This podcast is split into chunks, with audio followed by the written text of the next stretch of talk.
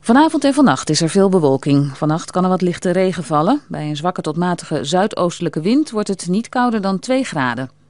Morgen, zaterdag, is het overwegend bewolkt. Ochtends nog een kleine kans op wat lichte regen, maar veel neerslag wordt niet verwacht. De matige wind waait uit het zuiden tot zuidoosten en in de middag wordt het 5 graden. Zondag blijft het droog, er zijn zonnige perioden en wolkenvelden.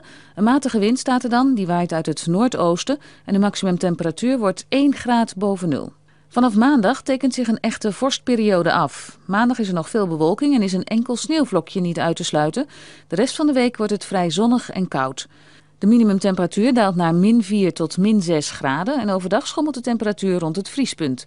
De wind waait uit het oosten tot noorden en is zwak tot matig van kracht.